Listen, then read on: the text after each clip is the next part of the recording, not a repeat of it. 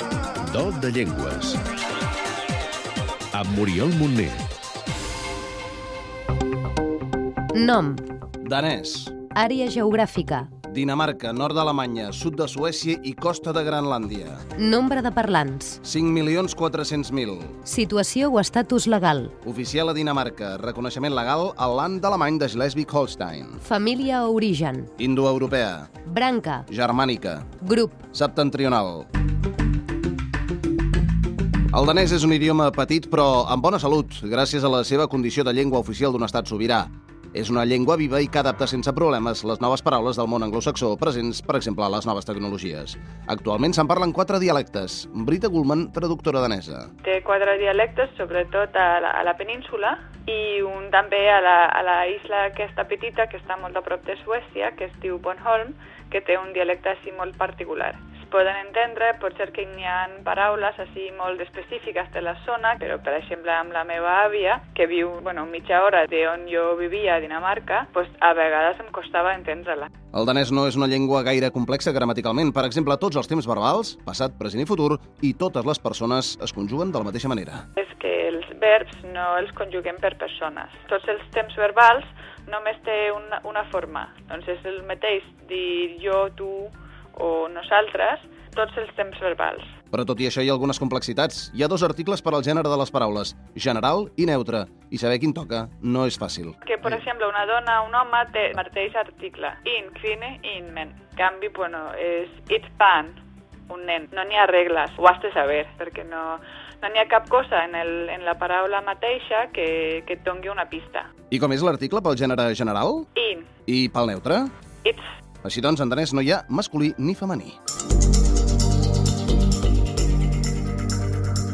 algunes curiositats. Si mai us conviden a dinar a casa d'un danès, no passa a un restaurant, sapigueu que en acabar haureu de donar unes gràcies específiques. Una expressió concreta que no és ben bé la mateixa que per a dir gràcies per altres coses, i és que són molt educats els danesos. després de menjar, sempre donem les gràcies.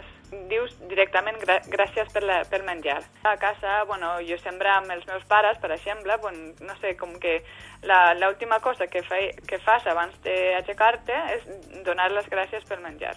Una cosa que sempre es fa i, i si no ho fas està com una, una mica mala, mala vista. Però tot i que són molt educats, en danès no existeix el si us plau. És el mateix que ens passa en el suec.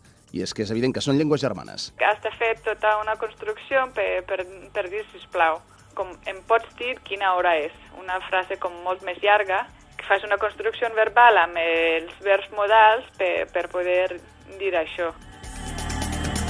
Quatre pinzellades de la llengua. A banda de donar les gràcies quan us aixequeu de taula, aprenguem a saludar en danès. Hola, Hi, bon dia, curei, bona nit. conets, També es pot dir que dormis bé. sougor, Marxem, adeu. favel, Siguem tan educats com ells. Diguem gràcies. tac, I si teniu una parella danesa, així li podeu dir t'estimo. ja elskara, El que segur que els agradarà és que els digueu que voleu aprendre danès. ja kun gotxing maledensk. Doncs, per començar, aprenguem a comptar de l'1 al 10 1, 2, 3, 4, 5, 6, 7, 8, 9, 10. i per continuar una mica d'autobombo, no? Escolteu el programa Do de Llengües cada setmana a Catalunya Informació. Lyt til programmet Døde Jengwas hver uge på Catalunya Radio. I aquí van un parell de jocs de paraules. El primer, per als madridistes. Fem flade flødeboller på et fladt flødebollefad. Això vol dir cinc merengues planets en una safata de merengues planets. I ara, un sobre les dents postisses del bisbe. Bispen skip skibis. En fi.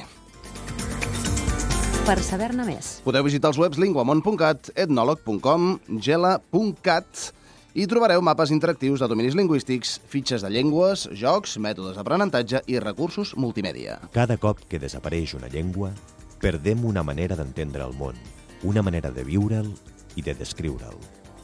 Cada cop que desapareix una llengua, ens fem més pobres, més homogenis i perdem una oportunitat d'enriquir-nos amb l'aportació de l'altre. aquest espai es fa amb el suport de Linguamont, Casa de les Llengües.